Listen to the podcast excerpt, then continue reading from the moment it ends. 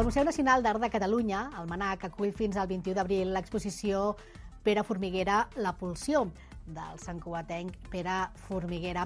La mostra és una selecció d'un fons de més de 4.000 imatges cedides per la família de l'artista l'any 2017 i recollides en una selecció de nou de les seves 35 sèries. El recorregut se centra en les primeres dècades de treball entre els anys 70 i 80, on va fer una tasca fotogràfica molt abundant i va exposar molt, tot i que es tracta també d'un període que fins ara s'havia donat a conèixer poc. Gràcies a aquesta feina, feta pel MANAC després d'una llarga tasca de documentació i restauració, podem endinsar-nos en l'art d'un fotògraf lliure i creatiu que va trencar els cànons clàssics. Pere Formiguera tenia una manera de treballar molt, molt, molt personal, amb una visió sobre la fotografia molt lliure i molt creativa. Ell explicava i deixava per escrit no? amb coses que han pogut llegir que li agradava molt el tachisme, que li agradava molt autors com Jackson Pollock, com l'expressionisme americà, no? i això ho veus reflectit en la seva manera de treballar, no? aquestes manipulacions, que fa unes fotografies que són molt físiques, que les ratlla, les pinta no? a damunt, i això potser, jo penso que mm, defineix bastant una manera de fer. El Pere era, una, era un fotògraf que no es va conformar amb la fotografia que en aquella època era la més, la més acadèmica, no? sinó que va buscar altres camins, altres maneres d'expressar a través de la fotografia el seu, el seu art o la seva, la seva manera de, de veure l'art. No? Llavors, per això veureu com hi ha molta fotografia que el que fa és intervenir-la, és a dir, eh, fa la fotografia, després la, la pinta, la manipula...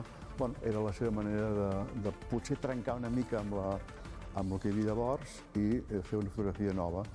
El fons, que va ingressar al MANAC, no només comprèn aquestes 4.000 fotografies sobre paper, de les quals la majoria són còpies originals signades, sinó també 1.000 diapositives i 3.900 fulls de contacte. Tot plegat ajuda a entendre també millor un artista que ja els era conegut. Coneixíem força bé, jo penso, l'obra de Pere Formiguera perquè eh, el Pere era una persona molt estimada també per aquesta casa va tenir una vinculació des dels inicis de que es crea el Departament de Fotografia, l'any 95 se crea aquest departament, i ell entra com a, sessió, com a assessor personal del, del, del departament um, i va ser algú que estava molt present. També se li va fer una exposició aquí fa uns anys que era sobre un, un treball preciós que es deia Ulls Clubs, i d'alguna manera el teníem molt present. Sí que és veritat que quan pots observar no, la magnitud d'un fons de 4.000 fotografies, detectes coses que potser no les havies vist ni a les revistes o no les, o no les tenies tan, tan, tan conegudes.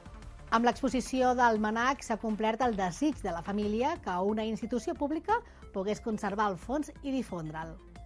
La fotografia és, un, és una obra d'art que és molt fràgil, necessita unes condicions d'humitat, de temperatura, etc. i nosaltres no podíem fer. Tampoc podia fer l'altra vessant, que és la de divulgar l'obra. No? Llavors, aquesta és la raó per la qual està aquí, perquè nosaltres sabem, som conscients de que el, el MANAC, a partir d'ara, no només conservarà l'obra, sinó que també divulgarà aquesta obra i la farà eh, coneixedora per tot el món. Pere Formiguera era un santcugatenc militant i que, tot i que havia nascut a Barcelona, vivia a Sant Cugat des dels 15 anys. De fet, quan anava pel món deia que era de Sant Cugat i no pas de Barcelona. El municipi li ha dedicat diverses exposicions al llarg dels anys, però la família anela que la seva figura no s'oblidi i aposta perquè la ciutat el reconegui encara més, si cal, amb el nom d'un carrer. L'Infopodcast és una producció de Ràdio Sant Cugat i la xarxa.